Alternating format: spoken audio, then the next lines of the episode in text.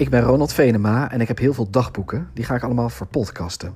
Seizoen 2 van de podcast staat gelijk aan mijn tweede puberdagboek en speelt zich af in 1993, van toen ik 14 en wat later 15 was en over alles onwijs eerlijk schreef. In aflevering 15 doet de hele familie Venema ongelooflijk vroom omdat Heroom met zijn witte jurk op bezoek is. Vraag ik me af, nadat ik onze nieuwe buurvrouw gedag heb gezegd, of ik alleen nog maar op oude vrouwen van in de twintig val.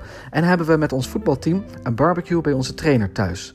Niemand eet de sla die zijn vrouw Shirley heeft klaargemaakt.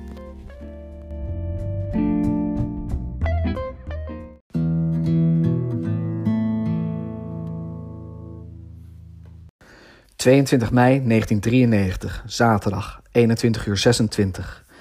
Iedereen was er vanmiddag bij opa en oma Venema. We zitten wel vaker op zaterdagmiddag bij opa en oma, maar nu moest van oma iedereen komen omdat Heroom er ook zou zijn.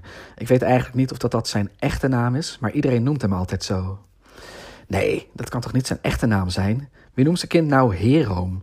Als je als vader en of moeder je kind Herum noemt en niet bijvoorbeeld gewoon Ronald of Harry voor mijn part, dan spoor je echt niet. Nee, het zal wel een of andere katholieke titel zijn voor iemand die onwijs veel in God gelooft en ook alles voor hem doet. Heroom, de oom van de Heer of zo. Weet ik veel. En als Heroom er weer eens is bij opa en oma Venema, nou, dan is de hele familie ineens helemaal zo van: ja, God is fantastisch en Jezus is ook al zo geweldig. Zelfs ome Karel doet daaraan mee, wat me echt heel erg tegenvalt van hem. Want tegen mij zei hij laatst nog dingen als: God is groot, God is machtig, hij heeft een pik van 1,80 meter. Dat durft hij echt niet tegen Heroom te zeggen. Ik trouwens ook niet. Heroom is een broertje van opa, dus hij is mijn. Wat is hij dan eigenlijk voor mij? Mijn achteropa? Zoiets. En hij is ook heel heilig. Hij loopt elke dag in zo'n witte jurk. Altijd dezelfde, denk ik. Hij is monnik. En dat is hij in een klooster in België. Maar nog veel vaker zit hij in Afrika. Als Heroom daar zit, zegt ome Karel dat hij er sprinkhanen telt. Maar ook dat durft ome Karel niet te zeggen als Heroom bij opa en oma op bezoek is. Nou, en dat was hij dus gisteren. Hij wist gewoon mijn naam nog toen ik de kamer binnenstapte. Hij legde een hand op mijn schouder en zei: Zo, Ronald, dat is lang geleden. Je wordt al groot, zeg. Dat slaat echt helemaal nergens op. Ik word helemaal niet groot.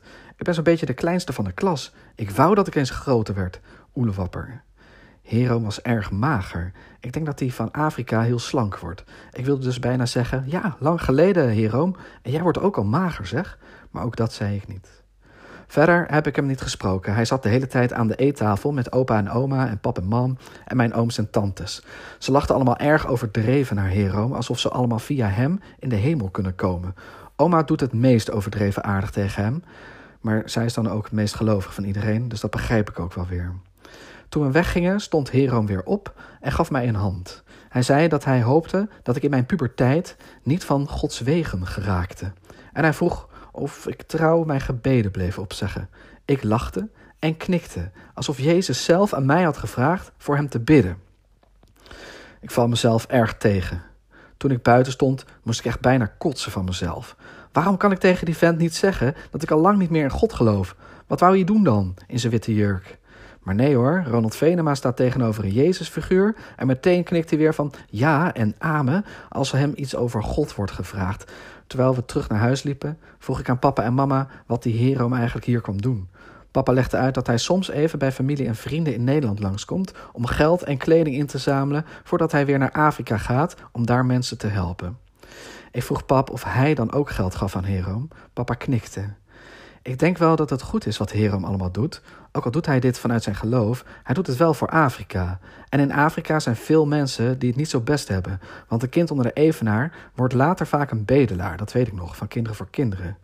Papa vroeg of ik ook geld aan Herom wilde geven. Dat wil ik niet. Hij heeft het mezelf toch ook helemaal niet gevraagd? Dat zei ik tegen papa. Nee, zei pap, maar ik vraag het je nu toch? Ja, godver, ik ben niet rijk of zo. Ik krijg zakgeld en tien gulden in de week omdat ik zogenaamd een hele week niet heb gerookt. Moet ik dat geld nou ineens aan Herom geven? Om er vanaf te zijn, zei ik dat ik thuis wel in mijn spaarpot ging kijken of er nog wat in zat. Pap is het volgens mij alweer vergeten, gelukkig. Hij heeft er niet meer naar gevraagd. Ik kan nu gewoon even geen geld missen. Mijn leven is al duur genoeg zonder Herom en Afrika.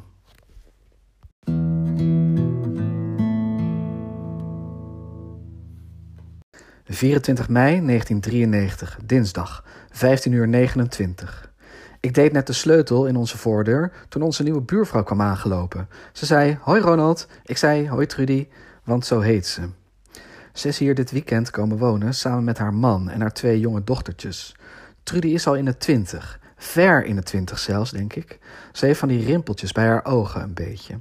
Maar ze is toch best mooi, zeker voor haar leeftijd. Wat wat minder mooi is, haar naam. Trudy is ook helemaal geen Trudy, meer een Marie-Claire of een Louise, dat zou ook wel kunnen. Echt geen Trudy. Trudy is niet heel lang en heeft donkere haren in een staart. Meestal vind ik blonde haren mooier, maar bij Trudy staat dit donkere haar heel goed. Ze heeft sproeten en ook die staan haar erg goed. Ik zit nu wel te denken, het lijkt er steeds meer op dat ik op oudere vrouwen val. Valerie van de Bakker vind ik erg leuk, maar zij is dus al 19. Corinne O'Brien is al ergens in de 20. En nu dus zelfs buurvrouw Trudy, die misschien al bijna 30 is. Drie oude vrouwen, zo in mijn tongtop 3. Als dat zo doorgaat, ben ik zo meteen nog verliefd op mijn eigen moeder van 39. Tongen met mijn moeder, wahahaha. Gadverdamme. Trouwens, die andere drie zijn ook allemaal erg moeilijk te tongen. Van Karine heb ik nog steeds niks gehoord. Ik begin toch wel te twijfelen of mijn brief is aangekomen. Valerie verkoopt mij graag brood, dat in de aanbieding is, maar van tongen gaat het niet komen als dat zo doorgaat. En de nieuwe buurvrouw, nou, als ze mij zou vragen om te tongen, zou ik het zeker wel doen. Maar ze is getrouwd, dus ik denk niet dat dat heel gauw gebeurt.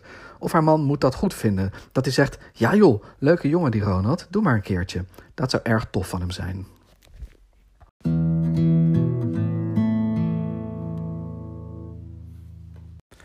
28 mei 1993, vrijdag, 21 uur 34. In de kleine pauze vandaag kwam Ferry naar me toe en hij had een onwijs gave vraag. Hij gaat volgende week zaterdag met wat neven en nichten naar het concert van Guns N' Roses. Een nicht van hem kan toch niet, dus nu hadden ze een kaartje over en vroegen ze aan Ferry of hij nog een Guns N' Roses fan kende. Hij zei dat hij aan mij moest denken. Of heb je al een kaartje? vroeg hij ook nog. Nee, natuurlijk heb ik geen kaartje. Ik ben ook wel veel meer van Nirvana, maar Guns N' Roses komt daar wel gelijk achteraan zo'n beetje. Ferry vroeg of ik met hem en zijn neven en nichten mee wilde. Ik zei meteen ja. Ferry zei dat zijn nicht haar kaartje verkoopt voor 60 gulden. Hij zei: Neem dat dan dinsdag na Pinksteren even mee naar school. Daar schrok ik wel van. 60 gulden. En trouwens, ik vroeg me ook ineens af of ik daar wel heen mocht. Ik heb het vanavond bij het eten gevraagd. Mijn moeder kent de muziek van Guns N' Roses helemaal niet. Mijn moeder kent sowieso bijna geen muziek. Ze houdt, ook, ze houdt ook helemaal niet van muziek. Als ik beneden wel eens een bandje of cd opzet, zegt ze vaak na een minuut of twee of het zachter kan. Ze houdt eigenlijk alleen van ABBA en Boudewijn de Groot. Alle andere muziek vindt ze herrie. Pap houdt veel meer van muziek, maar wel van oude muziek. En dan vooral van de Rolling Stones.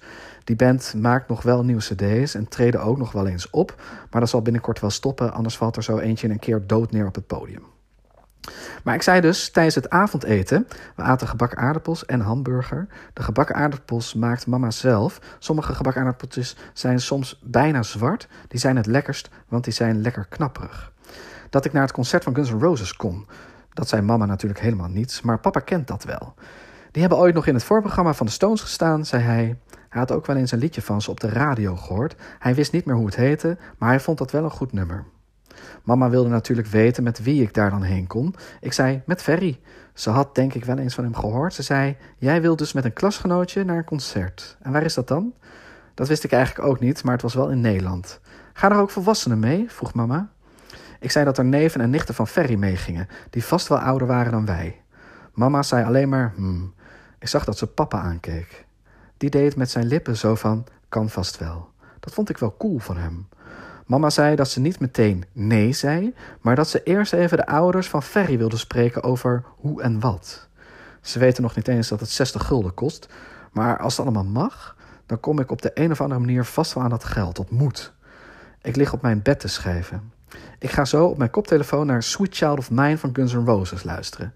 Ik heb nog geen cd's van ze of een bandje, maar ik heb dat nummer wel. Heb ik opgenomen toen de top 100 aller tijden laatst op de radio was. Toen stond dit nummer gewoon op één hè, in de lijst met de allerbeste liedjes ooit.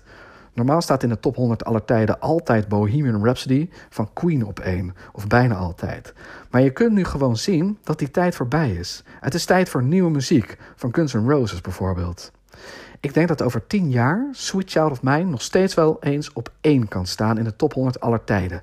Bohemian Rhapsody stelt er waarschijnlijk niets meer voor. De mensen zijn dat nummer vast niet helemaal al vergeten, maar dan is het meer zo van: oh ja, Bohemian Rhapsody, ja, dat was een nummer dat vroeger heel bekend was en zelfs op één in de top 100 aller tijden heeft gestaan. Maar waar nu echt geen hond meer naar luistert, want het is ook al zo oud en tegenwoordig hebben we Guns N' Roses en Nirvana en zo. Jammer voor je, Queen.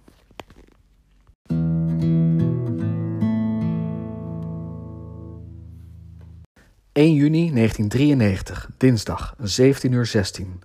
Om te vieren dat ons voetbalseizoen is afgelopen, zijn we gisteren met het team gaan barbecuen bij onze trainer thuis. Ik heb even geen zin om op te zoeken hoe je barbecue schrijft. Het is een erg moeilijk kutwoord, maar ik denk dat iedereen wel begrijpt wat ik bedoel als ik barbecuen zo schrijf. Nou ja, voor alle zekerheid dan. Ik bedoel dus vlees gooien op een barbecue. De vrouw van de trainer had ook nog allemaal sla gemaakt, maar daar at echt niemand van. De trainer zei: Het zijn halfvolwassen jongens, Shirley, die willen geen konijnenvoer, die willen vlees. Ik vond het wel cool dat hij ons halfvolwassen noemde. En dat zijn vrouw Shirley heet, klopt heel erg. Soms kloppen namen helemaal niet, zoals bij buurvrouw Trudy, maar soms kloppen ze heel erg, zoals bij deze Shirley. Ik at twee broodjes hamburger. Die broodjes proefden wel wat oud, maar met wat glazen cola was het goed weg te spoelen. Het was een erg gezellige avond, deze laatste bijeenkomst van ons team. We vierden niet echt dat we goed hadden gespeeld dit seizoen. Of nou ja, we hadden heus wel ons best gedaan, maar we zijn toch laatste geworden. We vierden vooral dat het seizoen was afgelopen. Serge en Michiel konden deze avond ook best goed met elkaar vinden. Misschien omdat ze allebei voor Feyenoord zijn. Die ploeg was gisteren namelijk kampioen van Nederland geworden. Serge en Michiel hadden allebei een sjaaltje van Feyenoord om. In mijn team zijn er nog wel een paar voor Feyenoord. Michiel vroeg voor wie ik eigenlijk was. Ik ben niet echt voor een team. Ik ben eigenlijk altijd voor de ploeg die wint, die kampioen wordt. Dus dit jaar ben ik voor Feyenoord. Dat zei ik ook. Serge zei toen: Wel slim, Ronald, zo word je elk jaar kampioen. Vorig jaar dus kampioen geworden met PSV. Ja, inderdaad. Waarom zou je de hele tijd voor één club zijn? Dan word je misschien maar heel soms kampioen. Of stel dat je supporter bent van Fortuna Sittard dan heb je echt nooit iets te vieren. Daar is toch geen hol aan. Ik ben gewoon altijd voor de kampioen, want die is de beste van het jaar. Dus volgend jaar ben ik misschien wel weer voor PSV of zelfs voor MVV, wat kan mij dat schelen, als we maar kampioen worden. Op het eind van de avond had de trainer nog heel hard We Are The Champions aangezet. Dat was niet voor ons eigen team natuurlijk, maar voor degenen die voor Feyenoord zijn. Serge en Michiel en nog een paar gingen arm in arm staan meezingen. Ik deed ook mee, want ik was dus ook met Feyenoord kampioen geworden. Ik ben benieuwd voor wie ik volgend jaar ben. Waarschijnlijk niet voor Ajax, want die hebben Bergkamp verkocht aan Inter Milaan. En Wim Jonk gaat ook maar meteen mee naar Inter Milaan. Gratis, denk ik. Dus Ajax kan het kampioenschap volgend jaar wel vergeten.